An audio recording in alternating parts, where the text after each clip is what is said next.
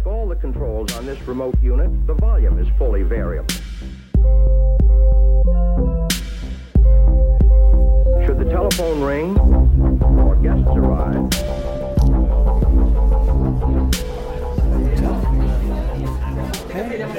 Eh, kul att vara här.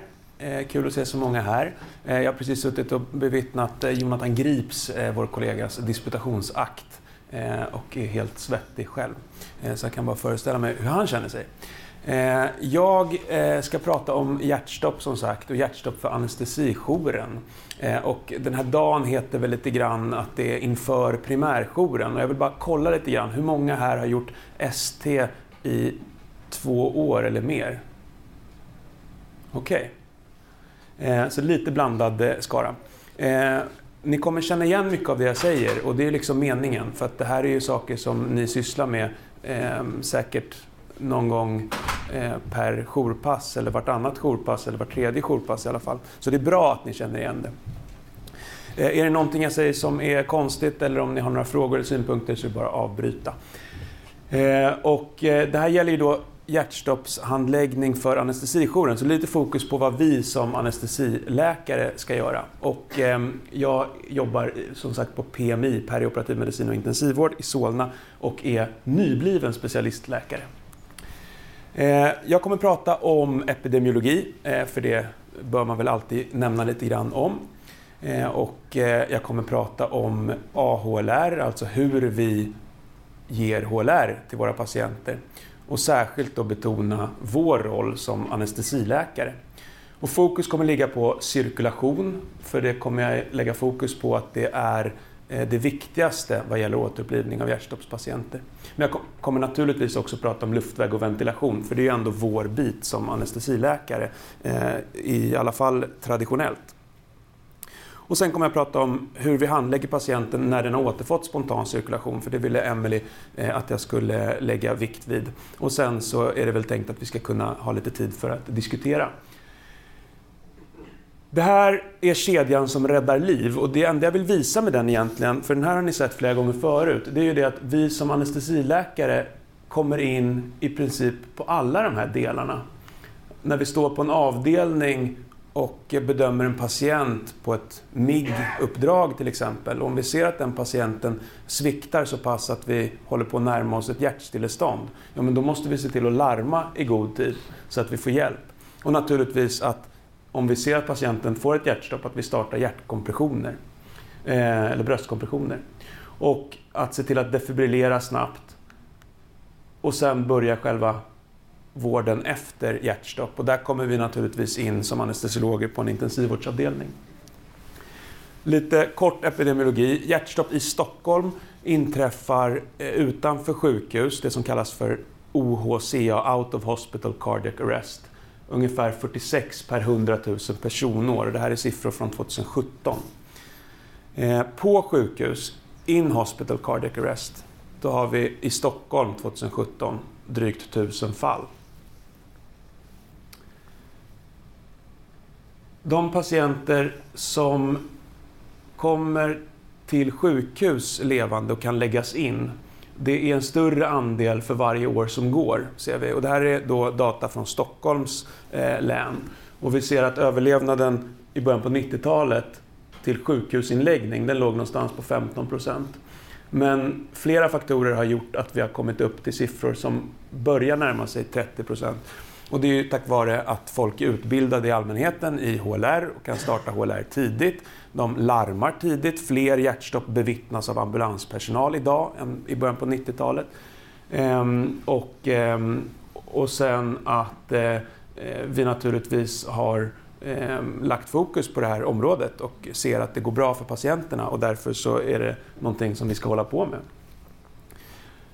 Om vi tittar på lite längre sikt, 30 dagars överlevnad, det här är siffror från hela Sverige då, så är det så att ungefär 11 procent, lite drygt 11 procent, kommer överleva till 30 dagar.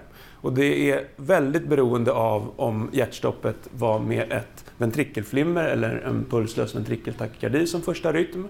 För då kommer ungefär en tredjedel överleva 30 dagar. Medan om det är asystoli eller pulslös elektrisk aktivitet så är eh, det ganska dystra siffror. Hur går det då för patienterna rent eh, cerebralt? Vad får de för funktionsnivå neurologiskt? Då brukar man i hjärtstoppssammanhang prata om Cerebral Performance Categories. Man delar in dem i olika CPC-grader eh, eh, som jag har försökt lista här. Och det som jag vill betona då, det är att ungefär 90% av patienterna, faktiskt över 90% av patienterna, kommer skrivas ut från sjukhus levande med en god eller hygglig cerebral funktion. Så att patienterna som överlever, de överlever med god eh, neurologi. Men naturligtvis med viss påverkan. Man har även CPC 5, vilket betyder hjärndöd och då är man ju död. Så jag förstår inte riktigt, men den här siffran liksom, den förekommer hela tiden. Eh, det var det om eh, epidemiologi som jag tänkte prata om. En fråga? Ja?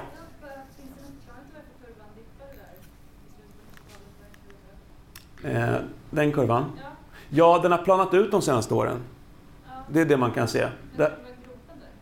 Den gruppen, ja det vågar jag inte riktigt svara på. Den är ju, det är någon slags trend, det är nog inte eh, statistiskt säkerställt och rapporteringsgraden här i början på 90-talet är betydligt sämre än vad den är nu. Det är nog den stora förklaringen. Hur gör vi då avancerad hjärt-lungräddning? Jo, det är ju väldigt enkelt. Alla vi som jobbar på sjukhus med eh, den här typen av patienter, vi har ju gått den här utbildningen i AHLR som Svenska rådet för hjärt-lungräddning eh, står för. Och eh, då följer vi en algoritm som för varje gång den här uppdateras bara blir enklare och enklare. Så i princip är det ju faktiskt att vi konstaterar att patienten har hjärtstopp och då påbörjar vi hjärt-lungräddning. Och sen beroende på om patienten har ventrikelflimmer eller ventrikeltakykardi, ja, då ska vi defibrillera och sen ska vi göra HLR. Och har patienten systoli eller pulslös elektrisk aktivitet, ja, då ska vi inte göra någon, ge någon elektrisk eh, defibrillering utan vi ska bara göra HLR. Och sen så har vi lite hjälp av läkemedel. Så det hela är ganska enkelt. Men jag tycker att vi som anestesiologer bör kunna lyfta det här några nivåer eh, och göra lite bättre än så. Eh, det som jag vill betona det är att när det gäller återupplivning vid hjärtstopp då ska vi tänka cirkulation först.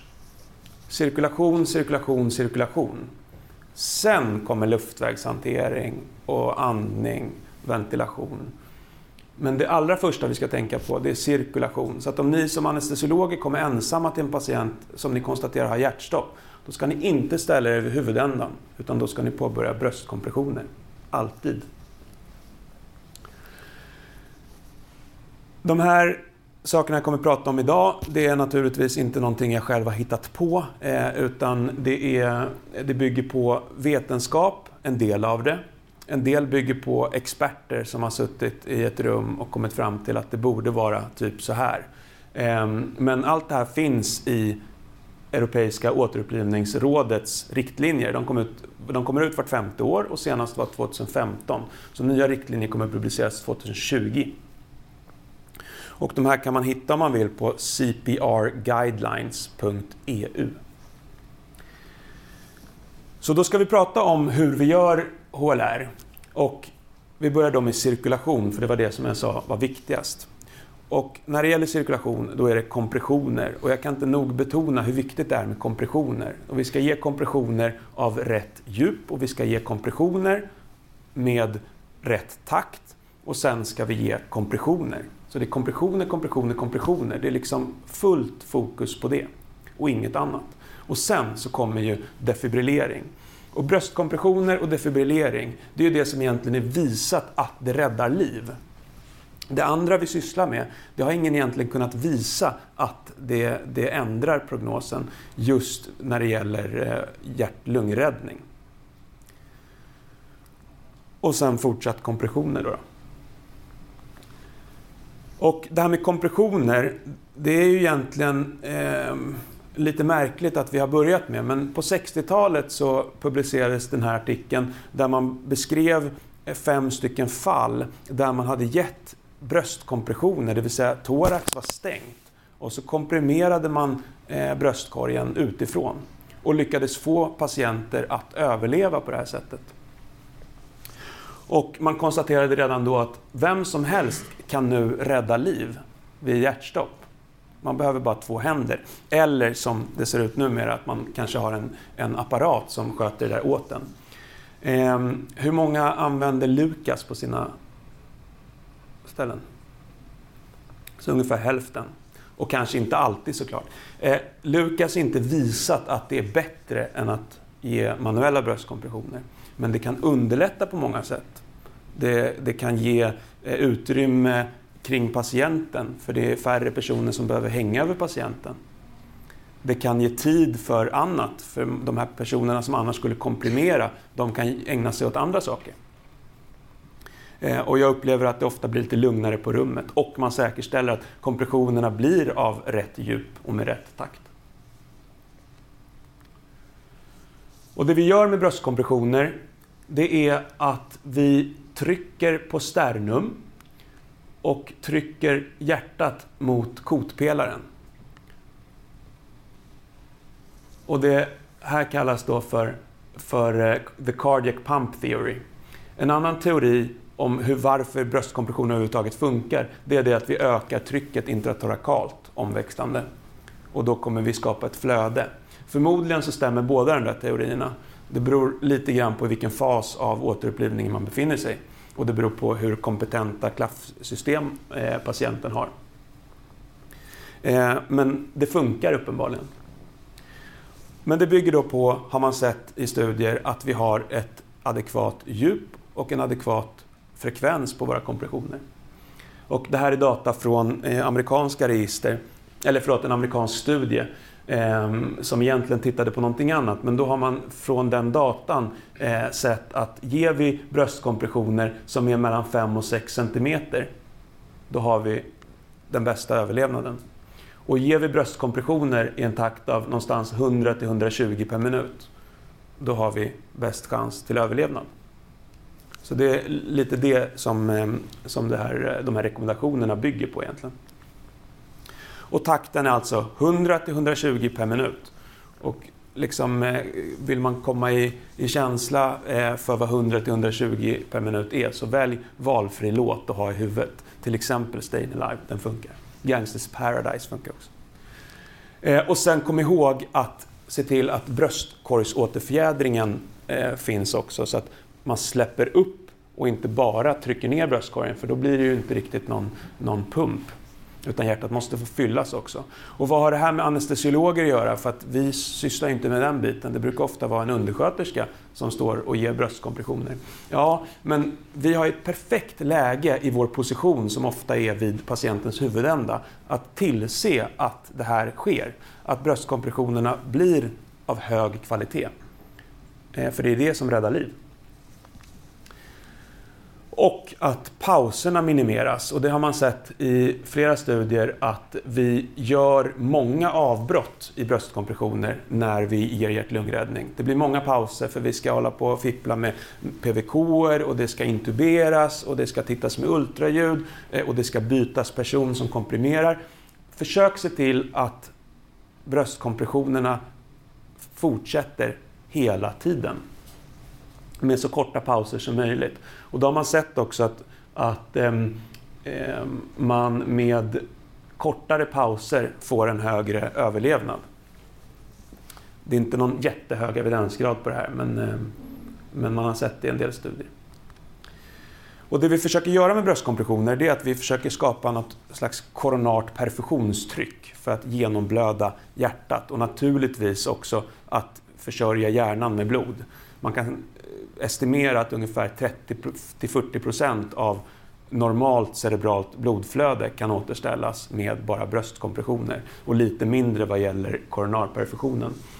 Och koronarperfusionen den bestäms då av diastoliskt aortatryck minus diastoliskt höger förmakstryck. Eller eh, om man inte har tillgång till sådana mätningar så kan man mäta diastoliskt artärtryck minus ett centralt ventryck, alltså CVP. Och där har man sett en surrogatvariabel för myokardblodflöde och väldigt tidigt, redan i början på 1900-talet, så såg man att det här var nyckeln till att få spontan cirkulation igen. Eh, det var två forskare som eh, inducerade hjärtstopp på hundar och såg att att ha en koronarperfusion eh, med ett tryck som ligger någonstans mellan 30 till 40 mm kvicksilver. Det var liksom avgörande för att de där eh, hundarna skulle få spontan cirkulation. Och vid varje avbrott som vi gör av bröstkompressioner, då minskar det här koronara perfusionstrycket. Och det tar en stund att återhämta det när vi startar bröstkompressioner igen. Så att, viktigt att minimera avbrotten.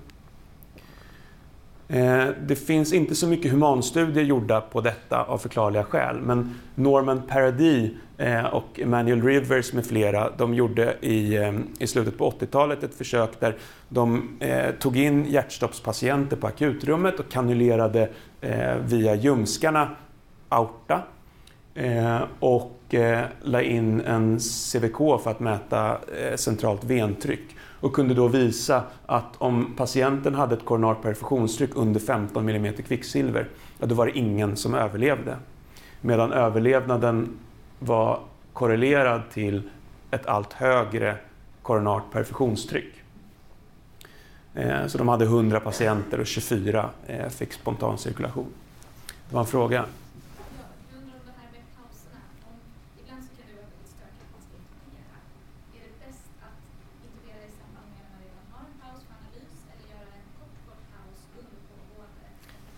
För att ventilera?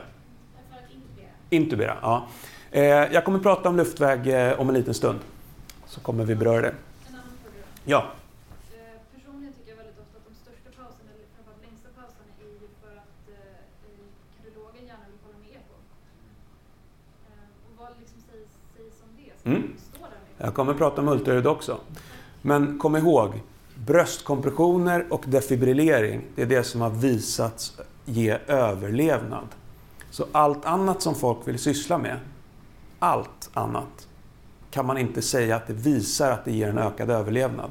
Så då ska vi egentligen fokusera på det som visats ge ökad överlevnad. Kapnografi. Eh, och det här är ju ett instrument då i brist på kanyler in genom eh, arteria femoralis upp i aorta och en CVK på patienterna så kan kapnografi faktiskt användas för att mäta hur bra eh, bröstkompressionerna är. Det här är från, från Europeiska återupplivningssällskapets, eller rådets guidelines eh, och här vill de visa egentligen på att, att kapnografi kan användas för att se om patienten återfår spontan cirkulation. Ni vet ju det att kapnografi det är alltså mätning av entidalt koldioxid Eh, och entidalt koldioxid beror ju på eh, hur patienten andas hos den vakna patienten med ett pumpande hjärta. Men hos patienten med hjärtstopp då kommer entidalt koldioxid främst vara beroende på hur bra cirkulationen är. Det vill säga hur mycket koldioxid som kommer till lungorna för att kunna eh, andas ut. Och om vi förbättrar bröstkompressionerna då kommer entidalt koldioxid att stiga och om vi slutar komprimera eller komprimerar dåligt, då kommer entidalt koldioxid att sjunka. Ehm, och man kan använda det här som, som en metod att tillse att man har bra bröstkompressioner. Och det man har sett att man ska, det man rekommenderar att man ska försöka sikta på, det är någonstans åtminstone 2,7 eh, kilopascal. Eh, under 1,3 kilopascal så har man väldigt dåliga utsikter att få spontan cirkulation och överlevnad. Så 1,3 har använts som någon slags cut-off. Aldrig ensamt, men i kombination med andra parametrar för att sluta återupplivningen. Till exempel en patient som har haft asystoli, kanske till och med obevittnat. Och man har hållit på med HLR i åtminstone 20 minuter om man tittar med eko, och hjärtat står helt stilla och entidalt koldioxid är under 1,3 och så vidare. Då kan man använda det som, som någon slags parameter för att besluta om att avsluta återupplivningsförsöken. Det var det om kompressionerna. Och nu ska vi prata om defibrillering. Och lite kort eh, bara så. Defibrillering gör vi då vid VF eller pulslös VT. Och det är visat att det här räddar liv. Tidig defibrillering räddar liv. Eh, exakt hur vi ska defibrillera, Det har man inte kunnat belägga eh, helt vetenskapligt. Men standard är ju att vi kopplar elektroderna, eh, vi kopplar elektroderna eh, under höger nyckelben och någon decimeter under vänster axil. Det är liksom standard. Och vilken energinivå ska vi välja? Några förslag? Ja, vi väljer den energinivån som är rekommenderad av tillverkaren. Det är det som brukar vara, vara standard. Och, eh, hos oss i alla fall så har vi 150 joule. Men är det så att patienten inte konverterar från sitt ventrikelflimmer, då kan man naturligtvis till nästa gång öka den där energinivån. Eller av andra skäl om man tror att, att man behöver göra det. Om patienten till exempel är väldigt överviktig så kan man behöva öka energinivån. Yes? Finns det monofasiska DEFar kvar i på moderna sjukhus? Nej. Vi använder bifasisk eh, defibrillering. Då kan man släppa det där med 360 och försöka memorera. Om, om man släpper det här med 360 joule och sådär. Ja, för jag tycker att man sitter och så ska man försöka memorera om jag nu råkar ut för att... Ja, just det. Nej, du kommer eh, ha mycket svårt att tro att du kommer råka ut för det. Eh, utan vi använder bifasisk defibrillering. Ehm, och det är bara att det är mer gynnsamt sätt egentligen att defibrillera på.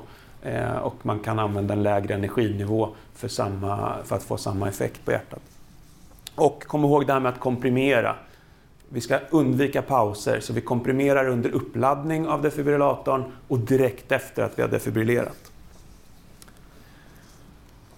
Om vi konstaterar en asystoli så vill jag bara tipsa om att man kan eh, kontrollera att vi verkligen har hudkontakt med DEF-elektroderna så att det inte är så att elektroderna sitter konstigt och att vi därför inte får någon, några komplex. Eh, och det vore ju synd att liksom missa en sån grej. Eh, och att leta efter p-vågor, för det kan ju vara så att patienten har ett totalt AV-block, ett AV-block 3. Och då kommer vi kunna ha p-vågor. Och då kan ju behandlingen bli någon annan än, än att fortsätta HLR bara. Eh, utan vi kan till exempel använda extern pacing. Men om patienten har en sann asystoli så är det visat att extern pacing, att liksom försöka ersätta eh, hjärtats egna komplex eh, elektrografiskt, liksom, det, det fungerar inte. Läkemedel då? Vilka läkemedel ska vi använda? Och det här vet ni alla. Det här är de här läkemedlen som man måste lära sig doserna utan till. Vi ger injektion adrenalin, 0,1 mg per milliliter, 10 ml, det vill säga 1 mg adrenalin. Och det ger vi intravenöst eller intraosseöst Och vi ger det alltid direkt om vi har en asystoli eller en PA. Och efter tredje defibrilleringen vid VFVT. Och sen så ger vi det var fjärde minut. Det vill säga varannan cykel. Vad gäller amiodaron, Cordaron, så ger vi 300 mg. Oftast eh, är det spett i glukos då, när vi administrerar det. Och vi ger det efter tredje defibrilleringen om vi har VFVT. Och därefter ger vi ytterligare en halv dos, alltså 150 milligram, Efter två cykler. Det här känner ni igen antar jag. Mm. Och det ska administreras tidigt och det ska administreras med en flush efteråt. Därför att patienten har ju ingen egen cirkulation. Det kommer liksom inte eh, komma in i, i blodbanan ordentligt. Utan det här är det som, som eh, rekommenderas. Och det här är alltså de enda läkemedlen som är kvar nu i guidelines hur vi ska, ge, eh, eh, hur vi ska göra HLR. Det är alltså två läkemedel. Adrenalin och amiodaron. Resten är specialsituationer eller kan övervägas. Adrenalin, det, är en, det används i det här fallet som en alfa-agonist. Vi använder en ganska hög dos, 1 mg adrenalin. För 20-30 år sedan, då snackar vi ännu högre doser än så, men man har gått ner igen till 1 mg adrenalin. Eh, vi använder det för att få en systemisk vasokonstriktion, så att vi koncentrerar blodet till där vi behöver det. Eh, framförallt då till hjärtat, eh, för att kunna få spontan cirkulation igen. Och man har sett att det ökar koronarblodflödet och vi får en högre amplitud på eh, vårt ventrikelflimmer och större chans att kunna defibrillera. Men adrenalin är också en beta-agonist och det har man sett ger alla de här biverkningarna som vi tror att vi får, framförallt cerebralt av adrenalin, men också kardiellt, att vi har en ökad eh, arytmirisk och så vidare. Eh, adrenalin ökar andelen som får spontan cirkulation. Men adrenalin ökar inte andelen som skrivs ut neurologiskt intakta. Spontan cirkulation måste vi på något sätt ha för att kunna sen skrivas ut eh, levande. Så det är en förutsättning naturligtvis. Men vi har inte kunnat visa att det går bättre för patienterna på lite längre sikt. Så återigen, vi har kompressioner och vi har defibrillering som är visat, men inte adrenalin. Cordaron, då, amiodaron, det är ett membranstabiliserande antiarytmikum. Det är ett klass 3 antiarytmikum, klassisk EDA-fråga. Eh, och eh, det är ett lätt negativt inotropt läkemedel. Eh, och det används ju då som ett antiarytmikum ehm, där man har ett ventrikelflimmer som inte vill slå om trots defibrilleringar. Och då har man sett att det ökar överlevnad till inläggning vid ett chockrefraktärt ventrikelflimmer. Men det ökar inte säkert överlevnaden till utskrivning. Okay, så vi har två läkemedel som inte säkert förbättrar prognosen på längre sikt. Så alltså, om vi, om vi ska ge det här, då får det inte ta fokus från det som vi vet räddar liv. Ja.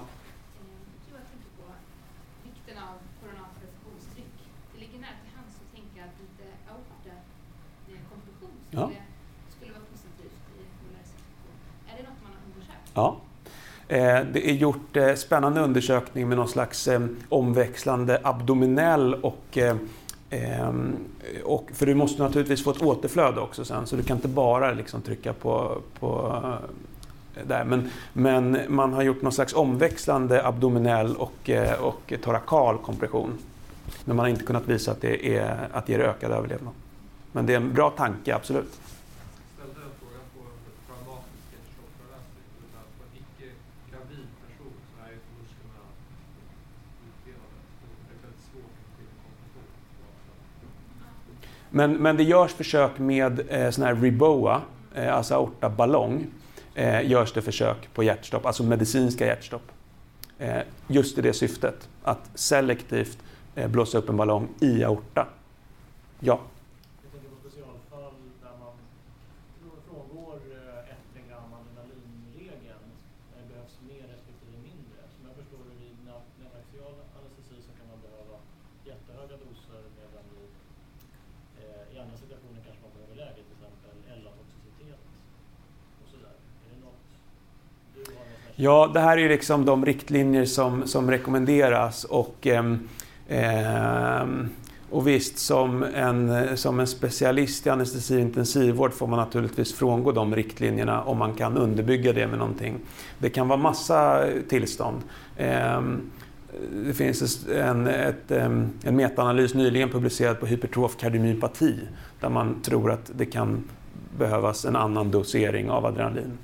Ehm, hypotermi till exempel, då har vi en ökad eh, risk för att vi ackumulerar adrenalinet. Så där rekommenderas det ju, det förekommer i och för sig oftare då, eh, det är ju ett, ett ehm, eh, mer vanligt förekommande specialfall kan man säga, accidentell hypotermi. Eh, då rekommenderas det att man fram tills patienten är värmd så ska man ge 1 mg adrenalin men med eh, dubbelt dosintervall. Det vill säga var, eh, det blir alltså var sjätte till tionde minut istället för var tredje till femte minut. Alltså, när, vi pratar att man ska alltså, egentligen frångå den här algoritmen och att vi ska använda vår kunskap och eventuellt peta upp det notches, liksom. Varför överhuvudtaget ha de här eh, tvingande doserna si och så när vi eh, eventuellt kan se till att börja mäta det? Mm. Eh, jag men, vi, kan, eh, vi kan ha en artärnål och försöka få in den mer och mer centralt och vi kan ha, liksom, uppskatta ett CVP. Vi kan mäta ett CVP Mm. eh, liksom, beroende på hur patientens langar får Mm. Absolut, det är en egen föreläsning i sig, men det förekommer redan nu studier, framförallt på barn, eh, på sån här hemodynamikstyrd HLR, där man med hjälp av vad man mäter med eh, artärtryck till exempel, eh, eller eh, entidalt koldioxid, eh, att man med hjälp av det kan styra sin hjärt-lungräddningsstrategi. Eh, och det är naturligtvis väldigt tilltalande. Det är ju märkligt att vi ger exakt samma behandling till alla patienter. Oavsett om de är stora eller små, gamla eller unga. om vi är eh, 30 minuter in i hjärtstoppsituationen eller om hjärtstoppet inträffade för en minut sedan. Vi ger exakt samma behandling till alla. Det är osannolikt att det skulle vara fysiologiskt liksom, korrekt.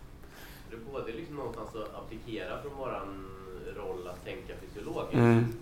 Samtidigt som det är att man kliver in på minerad mark eftersom det är liksom så svårt att ha evidens för vad man Yes. gör. Liksom... Yes. Eh, och det är därför jag utelämnat det från dagens föreläsning. Men för det är en, det är en diskussion eh, i sig som jag gärna tar någon annan gång. Det är mycket spännande fält och det finns mycket eh, kvar att göra där. Och svårt att studera också naturligtvis. Ehm, vad gäller luftväg, som ju ofta är vårt område som anestesiologer, då är ju frågan vad ska vi göra med patientens luftväg och ventilation? Ska vi hålla patienten på mask och revivator? Ska vi stoppa ner en supraglottisk luftvägsdevice? Ska vi intubera patienten? Några synpunkter från er?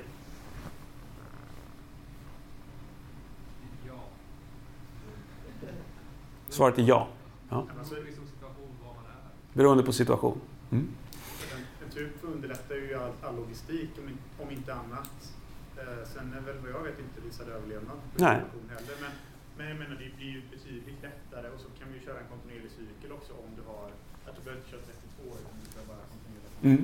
Så det underlättar ju väldigt mycket att ha en om man fördröjer något med den. Nej, det är riktigt. Eh, Det är inte visat att det, ena är bättre än det andra. Det görs studier eh, frekvent. Det kom två studier i somras som publicerades i JAMA i samma nummer Ehm, där man hade tittat på det här med, med om man ska stoppa ner en larynxmask eller en sån här laryngeal tube eller om man ska intubera patienten. Och, och det beror naturligtvis också på kontext. I USA så, så är det kanske inte samma kompetens hos de som intuberar patienterna prehospitalt som vi har i Sverige. Ehm, och ni är eh, snart specialister i anestesi intensivvård. Så det borde vara så att er eh, failure rate när det gäller intubation är ganska låg i förhållande till de siffrorna som redovisas. Och har man en låg risk att esofagusintubera patienten, för det är ju det som är liksom det farliga, ja, men då, ska man ju, då kan man absolut intubera patienten. Men det, det är inte visat att det ena är bättre än det andra. Så kommer patienten med en iGel till exempel, som funkar. Ni, får, ni ser att bröstkorgen höjer sig när ni använder den. Så låt den sitta. Det finns ingen anledning att, att eh, ta tid eh, från, från eh, bröstkompressioner för att eh, sätta ner en tub. Yes? Hur, eh, hur brukar kapnografin funka med IGEL? Jag har tänkt på att jag inte har så jävla stor erfarenhet. Det kan man göra. Det- kan man använda, ja. Så alltid kapnografi. Eh, och vad gäller eh, intubation så eh, använd de vanliga tecknen liksom på att ni är i trakea. Det är klinisk bedömning eh, och, eh, och det är kapnografi. Kapnografi är obligat. Patienten ska ha kapnografi. Eh, vad gäller ventilation, så det som rekommenderas är att patienten får jättemycket syrgas. Eh, vi ventilerar så att bröstkorgen höjer sig, ofta någonstans 6-8 ml per kilo. Om patienten inte har tub eller en luftvägsdevice som sitter tätt, då komprimerar vi 30 gånger och sen ger vi två inblåsningar. Men om patienten har en tub på plats eller om vi har en supraglottisk luftvägsdevice som sitter tätt, då kan vi ge kontinuerlig ventilation. 10 andetag per minut. 10 andetag per minut, inte mer. Hyperventilation är dåligt därför att det ökar trycket intratorakalt. Ehm, och då ehm, får vi en sämre cirkulation. Och så kan man diskutera om man, ska, om man kan koppla på automatisk ventilation och det kan man naturligtvis göra. Eh, man behöver inte stå och eh, trycka på en Rubensblåsa. Pulsoximetri och blodgas? Eh, ja, alltså blodgas tar vi ju alltid. Det som är bäst korrelerat till hur vävnaderna mår under ett hjärtstopp, det verkar vara centralvenös eh, mätning. Eh, så det är inte obligat att ha en artärblodgas under ett hjärtstopp. Pulsoximetri är inte ett mått på ventilation eller syresättning under ett hjärtstopp utan möjligen ett mått på hur väl perfunderad den extremitet där pulsoximetern sitter eh, är. Accesser, lite kort. Eh, PVK-er. eh, eller en intraosseös infart, eller både och. Eh, artärkateter eh, kan man ju absolut ha på patienten. Eh, och man kan mäta intraarteriellt blodtryck och man kan ta blodgaser. Och CVK ska vi väl egentligen inte syssla med då eh, om, om vi inte känner oss väldigt säkra på att vi kan sätta en Sekalon T till exempel i en ljumske. Men, men en PVK funkar minst lika bra för ändamålet. Vi lägger fokus på att behandla reversibla orsaker och leta efter reversibla orsaker. Och det är de här 4H, 4T och de tänkte jag inte prata om idag. Men de kommer ni ihåg från, från eh, alla de här HLR-övningarna. Och då vill jag slå ett slag också då för ultraljud som inte har kunnat visa, visas öka överlevnaden vid hjärtstopp. Men det kan ju naturligtvis vara användbart för att påvisa eventuellt reversibla orsaker. Till exempel en eh, hjärtamponad. Ehm, och, ehm, och möjligen då för att bedöma prognosen om hjärtat är helt stillastående eller inte. Eh, och det här har nog revolutionerat lite grann vår syn på vad pulslös elektrisk aktivitet är. Förut sa vi att det hette elektromekanisk dissociation. Men nu idag vet vi att ibland vid pulslös elektrisk aktivitet, ja men då har vi elektriska komplex på EKG och hjärtat står helt still.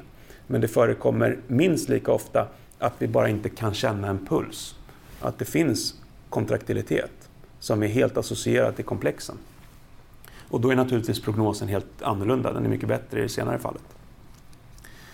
Och man kan använda eh, transesofagalt eko om man vill också. Och kom ihåg att eh, se till att undvika pauser även vad gäller detta.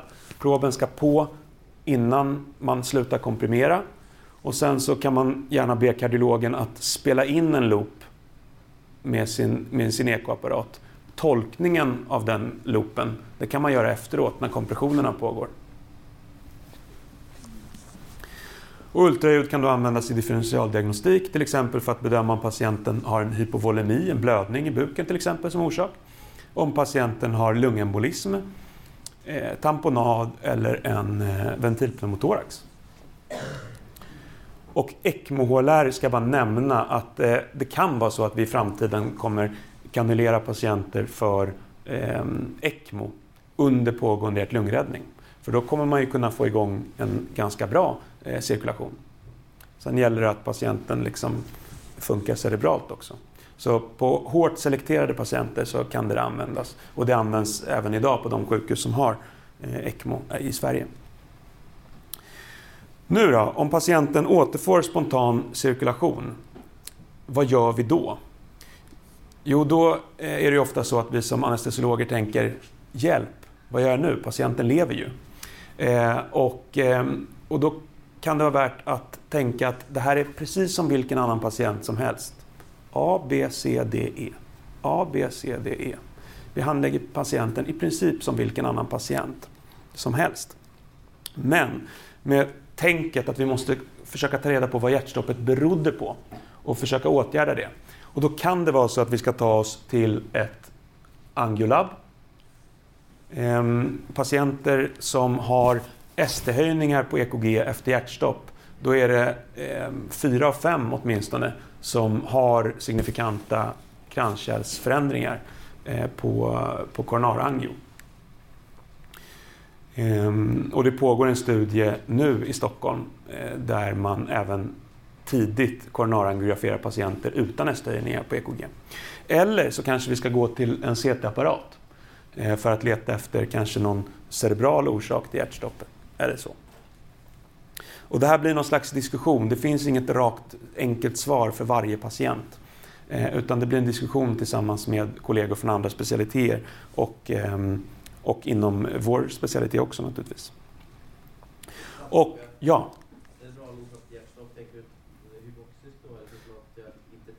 Eh, till exempel, eller att patienten har subarak som har gett en, en eh, arytmi eller ehm, så.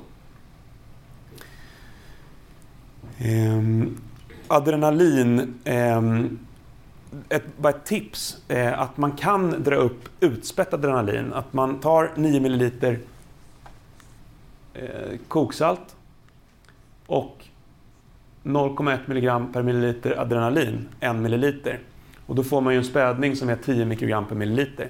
Den där kan man använda att liksom ge bolusdoser till patienten när den har återfått spontan cirkulation men är i någon slags djup kardiogen chock. Eh, som en brygga tills man kommer till ett ställe där man kan få en noradrenalininfektion till exempel. Eh, Post cardiac arrest syndrome. Man har eh, namngivit ett syndrom som uppstår efter återupplivning av hjärtstoppspatienter. Inte hos alla, men hos de flesta, åtminstone de som har haft en lång eh, återupplivningstid. Och det här är en, ett syndrom som liknar sepsis och som då beror på någon slags total ischemi i hela kroppen under tiden som hjärtstoppet eh, fanns. Och sen en reperfusion i hela kroppen. Och det här ger påverkan framförallt på hjärna och hjärta. Och det är det som också kommer sen påverka outcome. Av de patienter som skrivs in levande på sjukhus till IVA, då kommer ungefär hälften av dem överleva. Men hälften kommer inte överleva. Och de som dör, de som dör tidigt, de dör ofta av kardiell svikt. Och de som dör senare, de dör alltså efter eh, minst två till tre dagar. De dör på grund av neurologiska skador. Och ofta då för att vi på IVA väljer att trappa ut intensivvården. Ehm, och då finns det riktlinjer även för hur patienten ska hanteras efter spontan cirkulation igen och eh, det bygger egentligen på A, B, C, D, E som sagt. När det gäller luftväg så ser vi till att patienten är intuberad om patienten inte redan är det. Eh, och då måste vi ofta naturligtvis vara väldigt försiktiga när vi söver den där återupplivade patienten om den ens behöver sövas. Vad gäller ventilation, eh, då ska vi eftersträva normoventilation. Undvik hyperventilation och undvik hypoventilation. Och undvik att patienten blir hypoxisk naturligtvis, men även undvik att patienten blir hyperoxisk.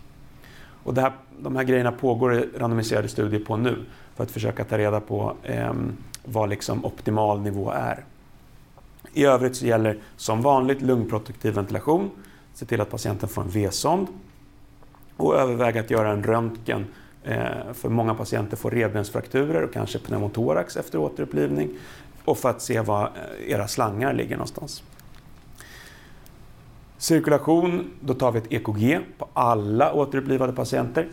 Och sen så kan vi behöva följa det där EKG. Eh, vi tar en troponinkurva. Vi sätter en artärkateter och så eftersträvar vi ett mapp på vad då?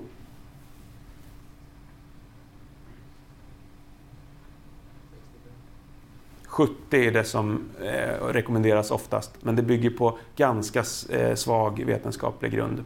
Ehm, och det pågår också studier på nu, men någonstans där, 70 åtminstone i medelartärt tryck.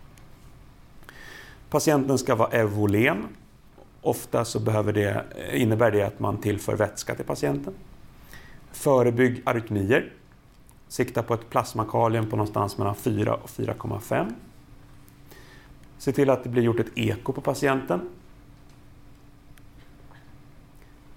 Vi mäter timdiures. Vi ser till att patienten får en CVK och sen så funderar jag på sekundärprevention också, men det blir ofta en lite senare fråga. Men det som det gäller för oss anestesijourer, det är ju att primärt stabilisera patienten cirkulatoriskt. Ja. Kortisonet har jag skrivit där. Ja, ibland så hör man att folk vill ge kortikosteroider, men det finns ingen evidens för det. Ja. Yes. Ja. Ja. Och de verkar ha någon slags, eh, många patienter får en binjurbarkssvikt, eh, precis som vid, vid sepsis. Men eh, precis som vid sepsis är det inte helt säkert att man då ska ge eh, kortison. Eh, för det har naturligtvis en massa andra biverkningar också. Eh, men det har gjorts en del studier på kortison även under hjärtstoppet. Oftast då tillsammans med vasopressin faktiskt. Eh, och då då finns det vissa data som talar, på att det, talar för att det kan vara bra. Så att det ska nog göras en studie i Sverige när man får tillstånd att göra det på just vasopressin och kortison. Eh, och sen vad gäller neurologi, bedöm medvetandegrad och pupillreaktion innan ni söver patienten. Alltså när patienten har återupplivats. Och sen så ser vi till att patienten får sedering. Det är inte klarlagt vilken sedering som, om någon sedering är bättre än någon annan. Ehm, och sen behandla kramper om de uppstår. Ehm, men det är inte så att man rutinmässigt ska sätta in patienten på eh, antiepileptika som primärprofylax. Vi ska sikta på att patienten har ett normalt socker. De får inte bli hypoglykema. Och man har korrelerat hyperglykemi också till dålig prognos. Så patienten ska ha ett blodsocker under 10. Och vi startar temperaturkontroll. Och de flesta sjukhus i Sverige gör det numera idag efter en stor studie eh, som heter TTM som publicerades 2013 som ni säkert känner till. Och då har man randomiserat 33 grader till, det vill säga kylning, aktiv hypotermi, till eh, temperaturkontroll 36 grader och inte sett någon skillnad egentligen. Det pågår en studie nu eh, där man slumpar patienter till 33 grader eller undvika feber, för det kan faktiskt vara så att det är så enkelt. Patienten behöver inte ha 36 grader, den behöver bara inte ha feber. Yes? Alltså hjärtstopp som hamnar på flera av sjukhus eh, hamnar i rättsmedicin på grund av dödsfall. Finns det någon process för att få till återkoppling tillbaka till sjukvården? Vad som hände? Hittar man en lungemboli? Hittar man någon propp i hjärnan? Det är många sådana här fall där man lägger ner och där man liksom aldrig får reda på vad som faktiskt var fel. Eh, du menar att du som enskild doktor inte får reda på det? Kanske alltså enskild doktor eller liksom även klinikmässigt. Mm. Så här, så det var hjärtstopp för fem veckor sedan. Eller Obduktionen visar det här. Mm. Eh, så den, den biten Ja, och jag tror att man nog får göra det i så fall lokalt. Jag vet att MIVA på Södersjukhuset har en bra, ett bra samarbete med eh, eh, sin, rätts, eh, sin eh, eh, obduktionsavdelning så att säga. Så att de blir inkopplade på alla fall, alla patienter som dör på MIVA får de liksom någon slags återkoppling och kan till och med gå till obduktionen och se eh, organen. Så att, men det, nej, det finns ju ingen sån liksom... Eh, och vad gäller rättsmedicin, då tar ju det ifrån sjukvården. Då, då hamnar det hos polisen helt plötsligt. Ehm, jag har dragit över tiden lite grann, det var ju väntat. Ehm, Prognosbedömning. Det enda jag vill säga om det här, för att det här handlar ju liksom inte om vad vi gör direkt med patienten efter återupplivning.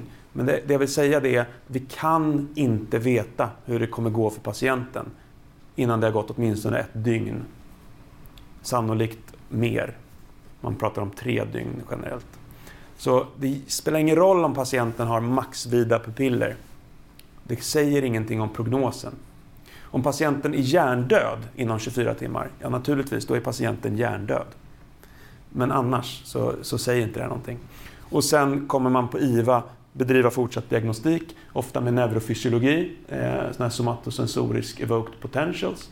Vi tittar på pupillreaktion och på kornealreflex. Eh, vi kan titta med MR, eh, även om radiologiska metoder inte är superbra på, för prognosbedömning. Och vi tar blodprov och då neuronspecifikt enolas är det som är visat bäst korrelerat till outcome. NSE. Och det blir, ofta, det blir ju då en samlad bedömning av, av flera undersökningar. Mina huvudbudskap idag har varit att allt fler överlever hjärtstopp och det går bra för patienterna som överlever hjärtstopp. Fokusera på det som räddar liv, det vill säga bröstkompressioner av hög kvalitet, minimera avbrott och defibrillera tidigt. Och det här är det som vi ska fokusera på. Allt annat är sekundärt. Luftväg och ventilation får inte utgöra ett hinder för det där.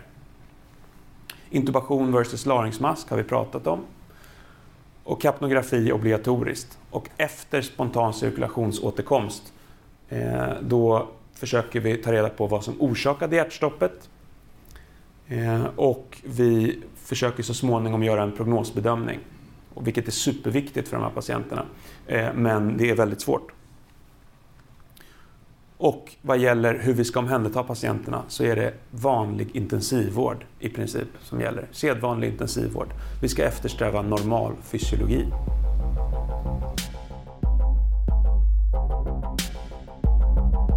Select any volume you want.